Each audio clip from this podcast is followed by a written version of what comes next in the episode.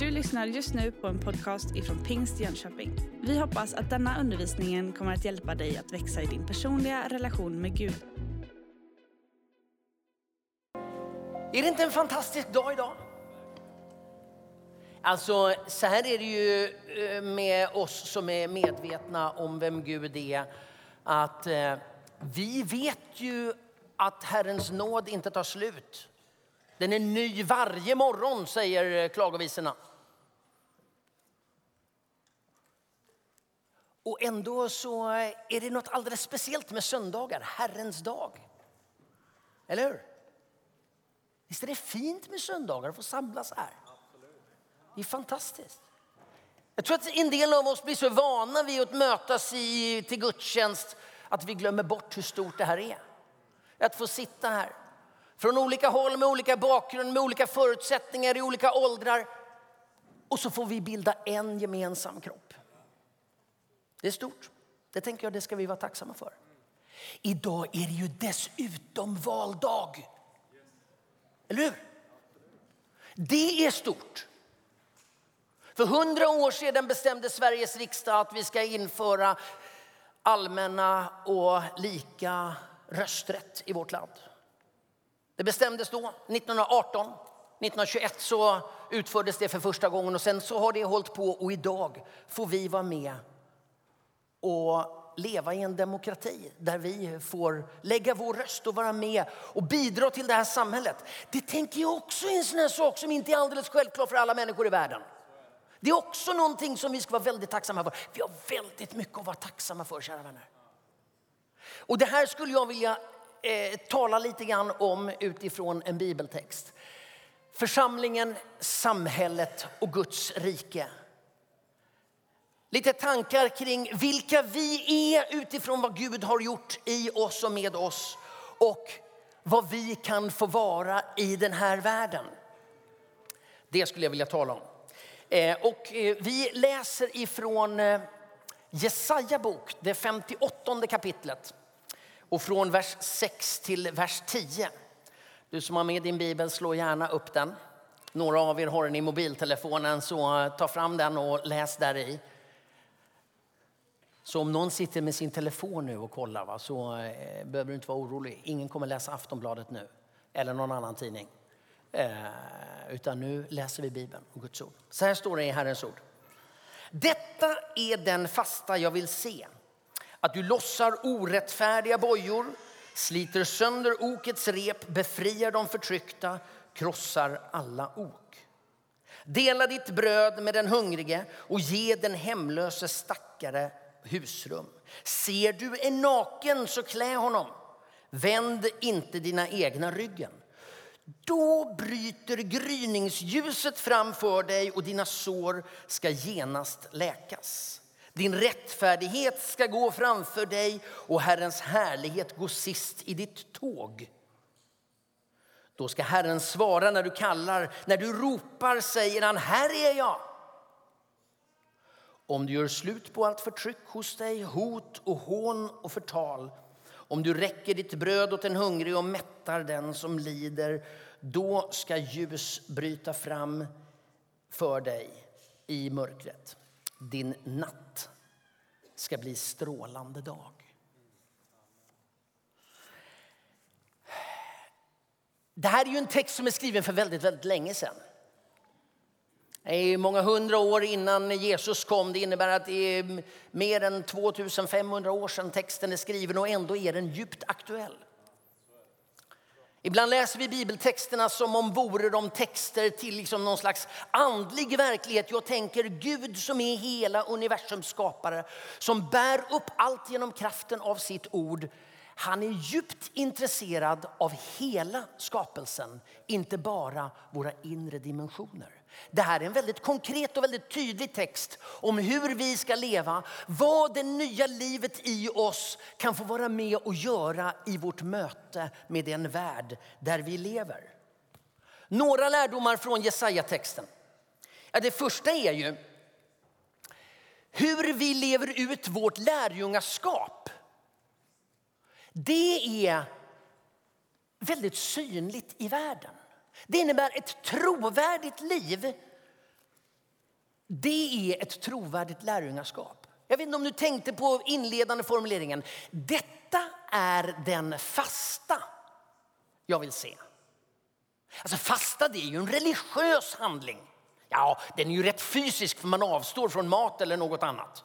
Så den är ju rätt konkret faktiskt också. Men det är någon typ av religiös handling. Vi avstår saker för att gestalta vår tillhörighet till Gud. För att liksom viga oss själva till en djupare gemenskap med Gud. Det är ju liksom fastans hela poäng. Det innebär, Jesaja säger, så här ska ni utöva ert andliga liv. Och sen blir det väldigt konkret. Eller hur? Det handlar om bröd, det handlar om kläder, det handlar om hus. Alltså, den här texten är väldigt tydlig med att vår relation med Gud, vårt förvandlade hjärta, vår gudsrelation, vårt andliga liv det hänger väldigt nära samman med sättet vi lever i den här världen. Vi är lätt formade av, en rör, av, av liksom ett tänkande som har en förmåga att dela upp tillvaron och säga så här, ja men det andliga det är det här och det där det är ju bara liksom Gud är alltings herre. Är ni med? Så det som sker i våra andliga liv, det behöver få synas i hur vi delar vårt bröd och hur vi lever våra liv. Är ni med? Det är en av lärdomarna vi kan dra från Jesaja-texten. En annan sak, det är ju att ansvaret ligger hos de privilegierade.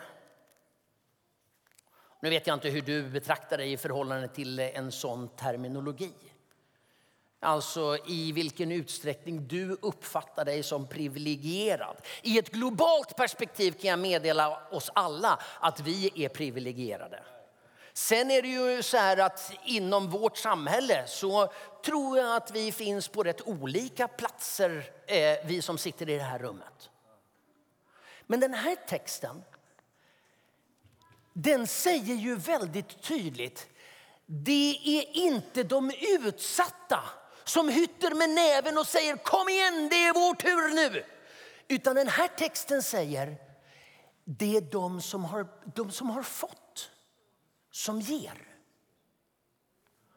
Titta på, om vi går till nästa om du tittar på, på liksom själva texten här detta är den fasta jag vill säga, att du lossar rättfärdiga, att du sliter sönder, att du befriar.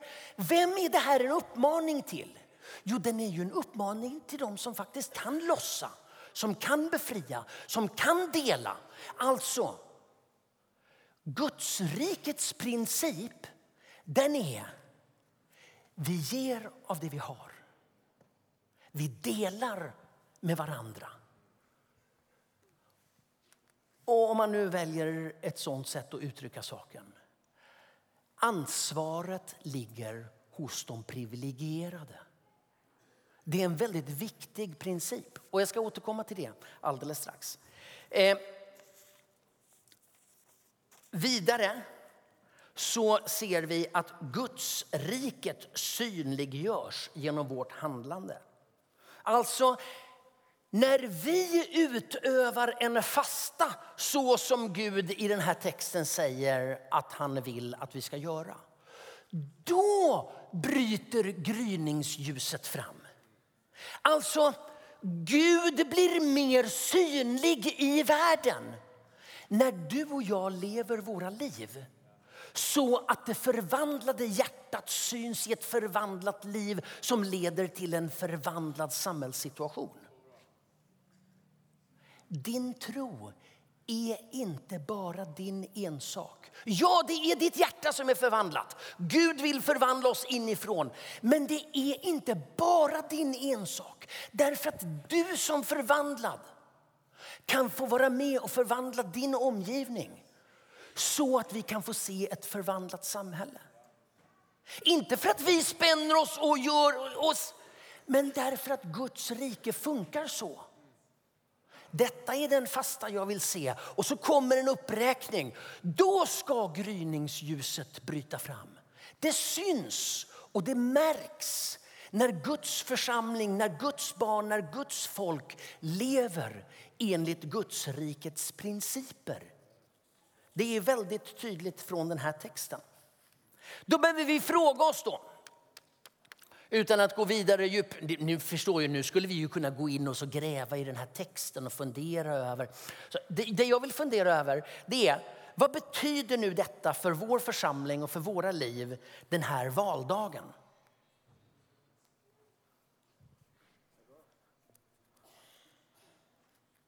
Och det kommer inte bli ett valtal nu.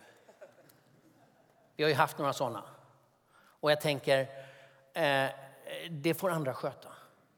Men det är ändå, jag vill att du ska ta detta som en predikan, som ett valtal för att kliva in och ta vårt ansvar. En av de, det jag känner att Gud har lagt på mitt hjärta det är att vi förstår att vi som församling, vi är samhällsbärande. På samma sätt som Gud förväntade sig att hans folk skulle vara på Jesaja tid. Så, det första vi kan konstatera är, det är att Gud stödjer de svaga. Guds folket förväntas vara på de utsatta sida och stödja de utsatta. Jesaja-texten är tydlig i det. Går vi igenom gamla testamentet så finns en sån här återkommande, nästan formartad formulering som talar om främlingen, änkan och den faderlöse. Alltså utsatta grupper i den tidens samhälle, det skulle Guds folk ta ansvar för. Gud förväntar sig att Guds folket står på de utsattas sida. Och går vi in i Nya Testamentet så ser vi det här väldigt tydligt i den första församlingen. Hur man tar ansvar för varandra. Och när det slirar lite grann, ja, då blir det kackel i, i, i, i huset. Hönsgården, men, men, alltså, det blir liv i luckan då. Och så tar man ett nytt ansvar och så tillsätter man diakoner så att man hanterar bespisningen av de grekisktalande änkorna och så vidare i Apostlagärningarna 6. Församlingen bör vara en gestaltning av det som är Guds hjärta. Nämligen, Gud vill stödja de svaga. Alldeles uttryckligt sker ju det här genom att Gud söker upp det som är förlorat. Det är hans identitet. Det har han hållit på med sen Edens lustgård och han fortsätter än idag. Gud söker det som var förlorat för att rädda det, säger Lukas 19. Människosonen har inte kommit för att bli tjänad utan för att tjäna, säger Jesus i Markus 10. Och i Matteus 9 säger Jesus, när han såg människorna fylldes han av medlidande med dem. Varför? För de var illa medfarna och vilsna som får. Och så sänder han lärjungarna, församlingen, Guds riket för att möta dem.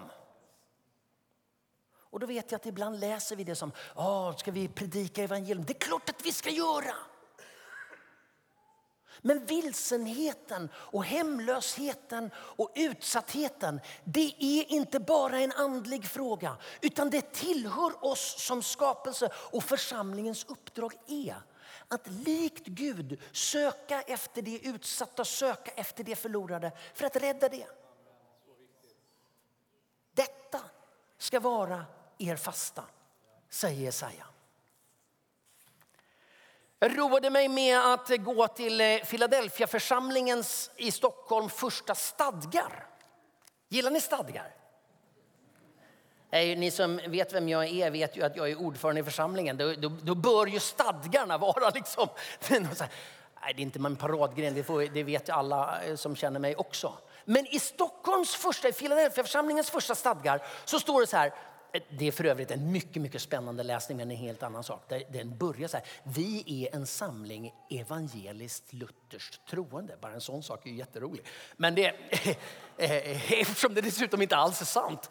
Eh, eh, men det, det är en helt annan fråga. Och så säger man vi är samlade för att fira gudstjänst och så vidare. Men sen fortsätter man i den första paragrafen, det som är själva ändamålet. Och så skriver man så här. Vi har därutöver, utöver att fira gudstjänst, som särskilt ändamål att omhänderta och bereda vård åt fattiga eller annorledes hjälpbehövande barn. Upprätta och på rätt väg hjälpa fallna män samt i övrigt efter förmåga hjälpa nödställda eller utöva kristerlig, människovänlig verksamhet. 1916 sa Philadelphia-församlingen, det är det här vi är till för. De hade nog läst Jesaja, jag tror det. Tror ni inte det? Därför är det inte så konstigt att när vår församling snidar på vad ska vara riktningen för oss, vad är det vi ska göra? Ja, då säger vi i vår vision att vi är en kyrka som i kärlek är med och gör Jönköping och världen till en bättre plats. Lite mer allmänt hålligt. Vi har inte liksom skrivit in där att, att det liksom är utöva kristlig hjälpverksamhet. Men jag tror att det, det ligger liksom inbäddat i det här. Vi är till för en mängd olika saker. Bland annat att göra Jönköping och världen till en bättre plats. Det kan ske på olika sätt och det har många olika dimensioner. Men det är vårt uppdrag. Jag tror att de som var med och formulerade det här, det vill säga de flesta av er som sitter här, har läst Jesaja. Detta ska vara den fasta jag vill se. När pingströrelsen vid årets rådslag i maj i år tog sats inför den här dagen, årets valdag. Då bestämde vi som pingströrelse tillsammans att det vi ska liksom lägga in i mötet med, med vårt samhälle inför årets val, det är pingst på de utsattas sida. Och så valde man tre fokusområden som handlar om existentiell hälsa, om globalt ansvar och om integrationsglädje. Jag tror att man här har läst Jesaja. Detta ska vara er fasta.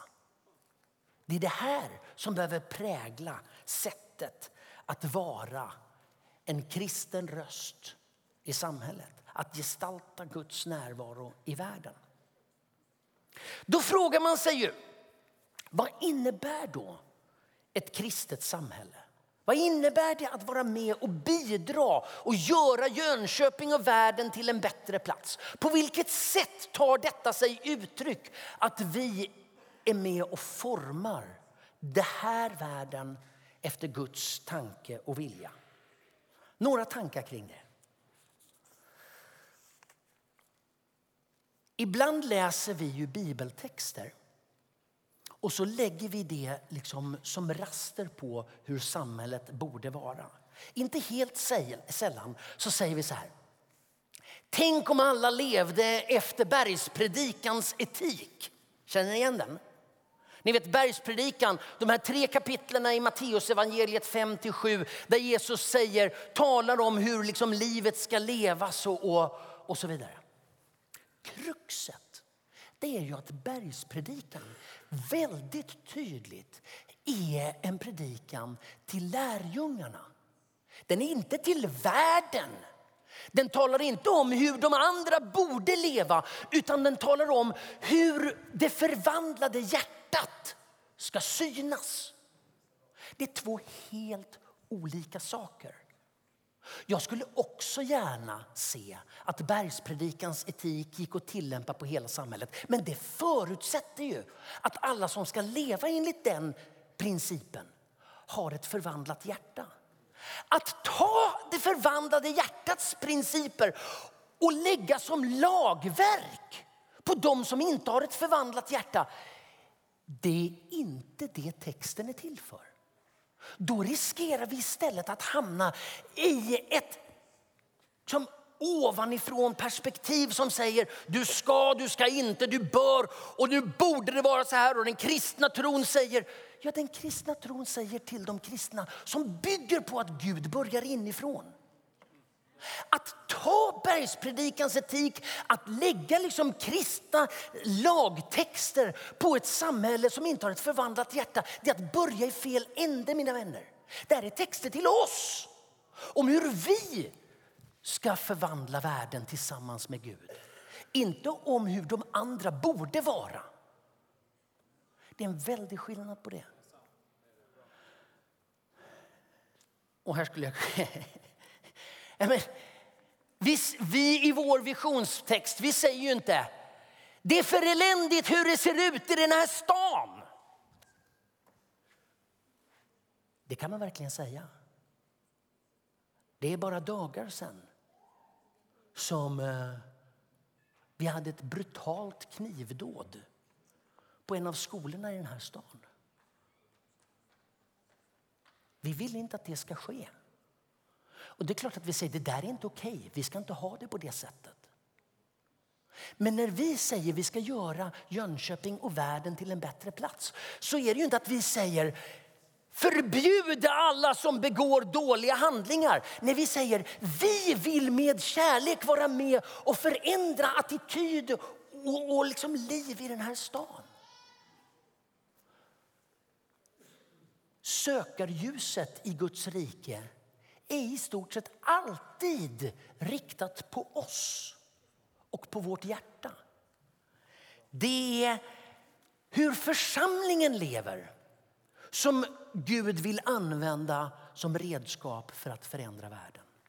Den första församlingen där står det talat om många grejer. Eh, och I Apostlagärningarna så beskrivs det hur de, de prisade Gud och var omtyckta av hela folket. Alltså, när församlingen levde och, och liksom gestaltade vad innebär det att vara Guds närvaro i världen? Ja, då skapar det mer smak. Då är man med och gör världen, och i det fallet Jerusalem, i vårt fall Jönköping, till en bättre plats.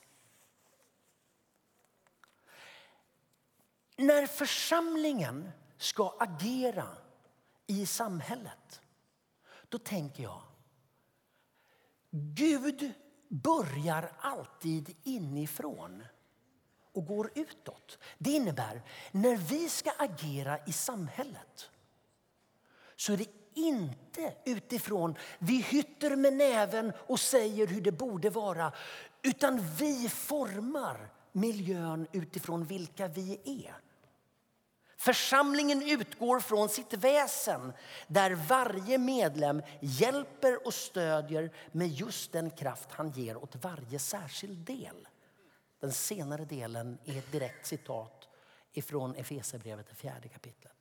Alltså, när vi är med och bygger det goda samhället så gör vi inte det i första hand genom att säga åt dem där borta vad de gör för fel. Utan vi säger till oss själva, låt oss nu bli mer de vi är så att vi kan bidra till att göra Jönköping och världen till en bättre plats.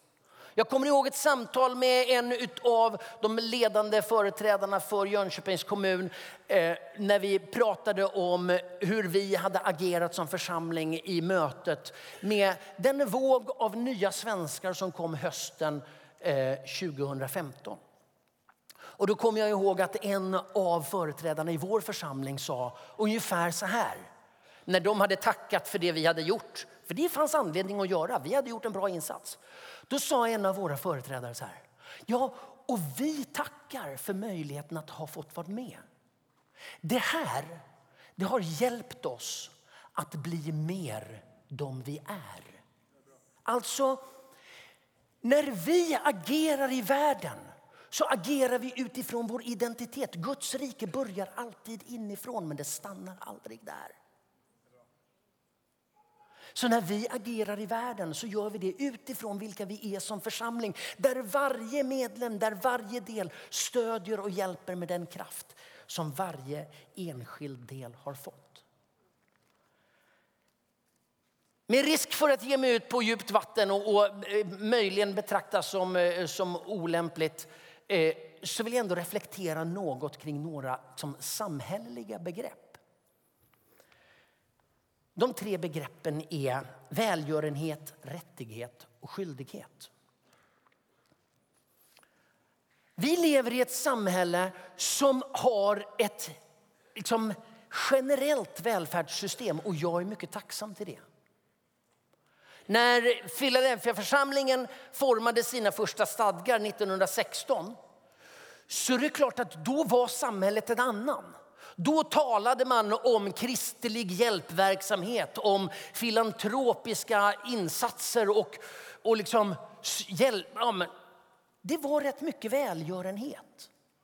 Eh, kruxet med välgörenhet det är ju att det finns en risk att de som ger kommer i överläge mot de som tar emot och så skapar man liksom en samhällsordning där de privilegierade kan glida omkring genom tillvaron och säga att ah, jag är en god och fin människa, jag minsann och det där har vi inte velat ha och därför har vi form, format ett, ett generellt välfärdssystem där det finns rättigheter för varje medborgare.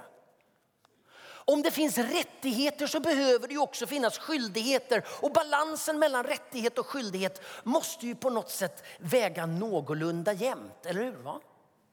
Lika för alla är det någon som uttrycker det. Alltså, är ni med? Och på ett politiskt principiellt plan så kan man ju tänka att det där är, det där är en god samhällsordning. Men som kristen församling då behöver vi fundera över vilka är våra grundläggande utgångspunkter. Ja, då är det inte i första hand att forma ett samhälle som utgår ifrån den svages rätt. Även om Bibeln ju självklart slår fast den svages rätt. Vräng inte rätten för den fattige, står det i Andra Mosebok 23. För den, den, för den faderlösas talan och ge änkan rätt, står det i Jesaja 1. Alltså det finns ett inbäddat rättighetsperspektiv. Att den som är utsatt kan förvänta sig att här finns ett sammanhang som stödjer oss. Men själva mentaliteten bygger inte på rättighet och skyldighet. När Jesus talar med sina lärjungar om hur, hur liksom man ska förhålla sig till makt och position och så vidare. Då säger han så här, men så är det inte hos er. Den som vill vara stor ska bli de andras tjänare. Alltså, i den kristna församlingen så finns en annan utgångspunkt. Inte som säger det är fel med rättighetstänkandet, men som har en annan utgångspunkt. Som säger det är vårt hjärta, det är vårt DNA. Det är inte lagtexten som får oss att göra det goda, utan det är vårt förvandlade hjärta. Och det blir ett annat sätt att närma sig samhället. Jag tänker inte att det sättet kan ersätta en lagstiftad rättighet. Men för oss som församling så blir det en annan utgångspunkt. En annan utgångspunkt som ställer högre krav på dig och mig att vårda vårt hjärta. Därför därifrån utgår livet. Så måste församlingen tänka. Inte för att ersätta rättighet, men för att fylla rättighet med en annan, en annan dimension. Vår storhet mäts inte i hur högt vi kan nå men i hur djupt vi kan böja oss. Och vill du se grundexemplet på det så ska du läsa Filipperbrevet 2. Ha det sinnelag som rådde hos Jesus och så kommer berättelsen om Jesus i Filipperbrevet 2. När vi då tänker samhälle, bara så, så är det så här. Samhälle betyder ju i sin ordkonstruktion det som hålls samman. Eller hur? Samhälle, hålla samman. Ett samhälle är det som hålls samman. Församlingen, det är vi som har kallats samman. Och jag tänker så här. I en grundläggande mening så är församlingen samhällets viktigaste sammanhållande kraft. Därför att på ett övergripande plan så är det Gud som håller allt samman. På ett övergripande plan så är det Guds sammanhållande kraft. Han som är från evighet till evighet och som i varje nytt nu möter oss med sin nåd och sin upprätthållande kärlek. Det är inte slut på Guds nåd. Hans barmhärtighet varar för evigt. Den är ny varje morgon. Där började vi va? I Klagovisorna 3. Samhället behöver sammanhållande kraft. Jag är helt övertygad om att samhället behöver gränser och regelverk. Men om samhället bara ska byggas samman med de yttre faktorerna som tvingar oss ihop då kommer det att bli ett dåligt samhälle. Ett samhälle behöver de som drar samman. Det kan göras på lite olika sätt. Det kan göras av, av liksom gemensamma värderingar, av olika typer av samhörighet. Men den mest grundläggande formen av sammanhållande kraft, det är Gud och hans kropp på jorden, vi. Och med det sagt så måste vi förstå vår roll som samhällsbärare.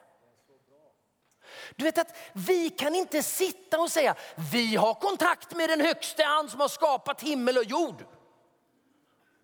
Och det känns så skönt i mitt hjärta. Det är väl jättebra om det känns skönt i ditt och mitt hjärta. Men Guds uppdrag, Guds passion, Guds nåd den stannar inte i ditt hjärta även om den börjar där. Den sträcker sig ut och därför är församlingen samhällets viktigaste samhällsbärare. Och jag är inte säker på att vi alla alltid tänker på det. Jag, jag tänker inte, vem tänker alltid på alla grejer? Det gör man ju inte. Men ibland tänker vi liksom, ja, församlingen det är för oss som liksom har hittat lite, det är så andligt hem. Och så här. För vi måste se vår roll som samhällsbyggare. Bygga det goda samhället utifrån vilka vi är. Och det här skulle jag ju... Nu, man önskar ju liksom att, att det, liksom, det här kunde man prata vidare om. Men eh, vi... Eh, eh det är några som sitter här och säger gå vidare nu. Så det Guds rike börjar alltid inifrån men stannar aldrig där inne. Och jag tänker det är en mycket, mycket viktig princip. Vi kan inte lägga Gudsrikets principer på oss utifrån som ett regelverk. Men när vårt hjärta är förvandlat så kommer det att vara en påverkan på världen. Och det bär med sig ett ansvar. Nu då, sista punkten, nämligen det här med Gudsrikets DNA. Alltså att Gud börjar inifrån, han förvandlar oss och därför så är de här frågorna inte liksom en... Liksom, ja, han fick väl lite hybris för han fick på sig en slips. Han hade kanske för lite luft den här dagen. Jag vet inte, det var något konstigt blev det. Ja, men det här handlar om vem Gud är. När Guds riket arbetar, när församlingen agerar, när vi tänker på vilka vi är så utgår det alltid från vem Gud är. Gud är sammanhållning. Gud är den som bygger samman. Gud är sammanhållning. I sitt väsen. Så när Gud formar församlingen för att bli sammanhållning så är det ju utifrån vem han själv är. Låt oss göra människor till vår avbild, till att vara oss lika, säger eh, första Mosebok. I Johannes 15 när han talar om den heliga ande så talar han om hur vi ska komma till honom. Då har Jesus, alltså Johannes 15 är fantastiskt. Då har Jesus sagt att jag ska gå bort men jag ska komma till er. Jag går till Fadern och jag är Fadern och ni är Fadern och så, vi är, och så, och så är vi varandra. Sammanhållning. Gud är sammanhållning. Och vi ska komma till när den heliga ande kommer.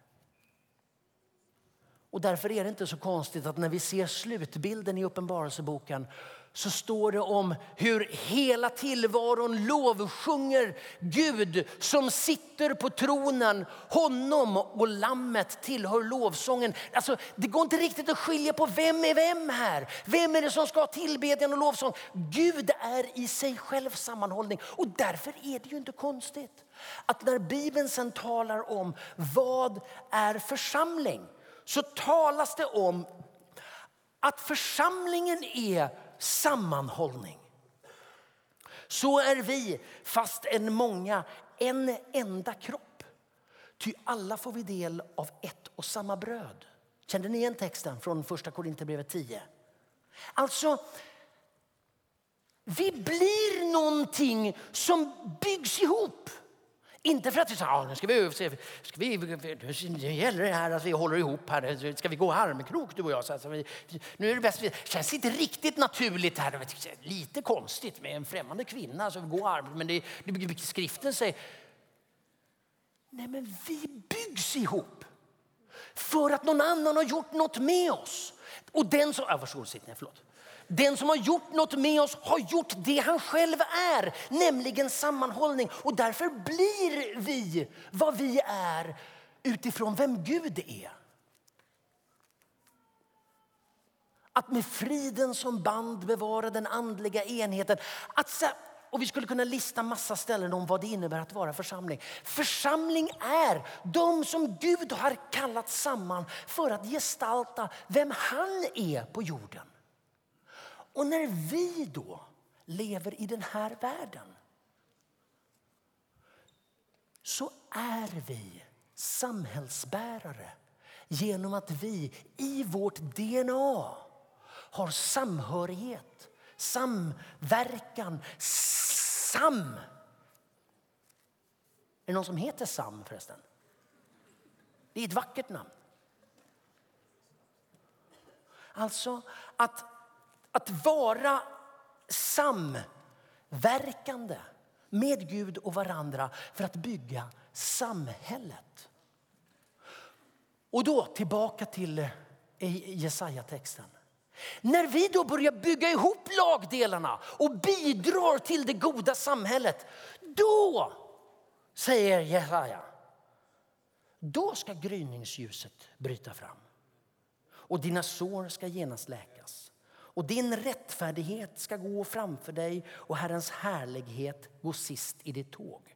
Alltså, när ditt och mitt hjärta utifrån vilka vi är i Kristus och vilka vi har blivit tillsammans är med och bidrar till att göra Jönköping och världen till en bättre plats. Då kommer Guds härlighet att gå med i vårt tåg.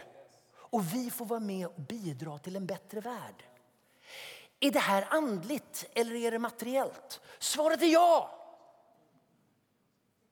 Det är djupt, djupt andligt genom att vara djupt, djupt konkret mitt i den värld där vi lever. Så du och jag är bärare av Guds närvaro i världen.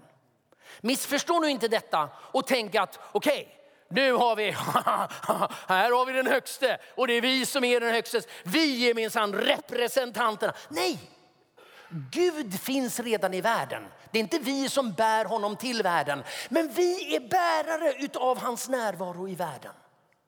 Och därför är vår närvaro helt avgörande för samhällets utveckling. Att vi vårdar vårt hjärta för att kunna fylla vår funktion för att bidra till att världen blir en bättre plats.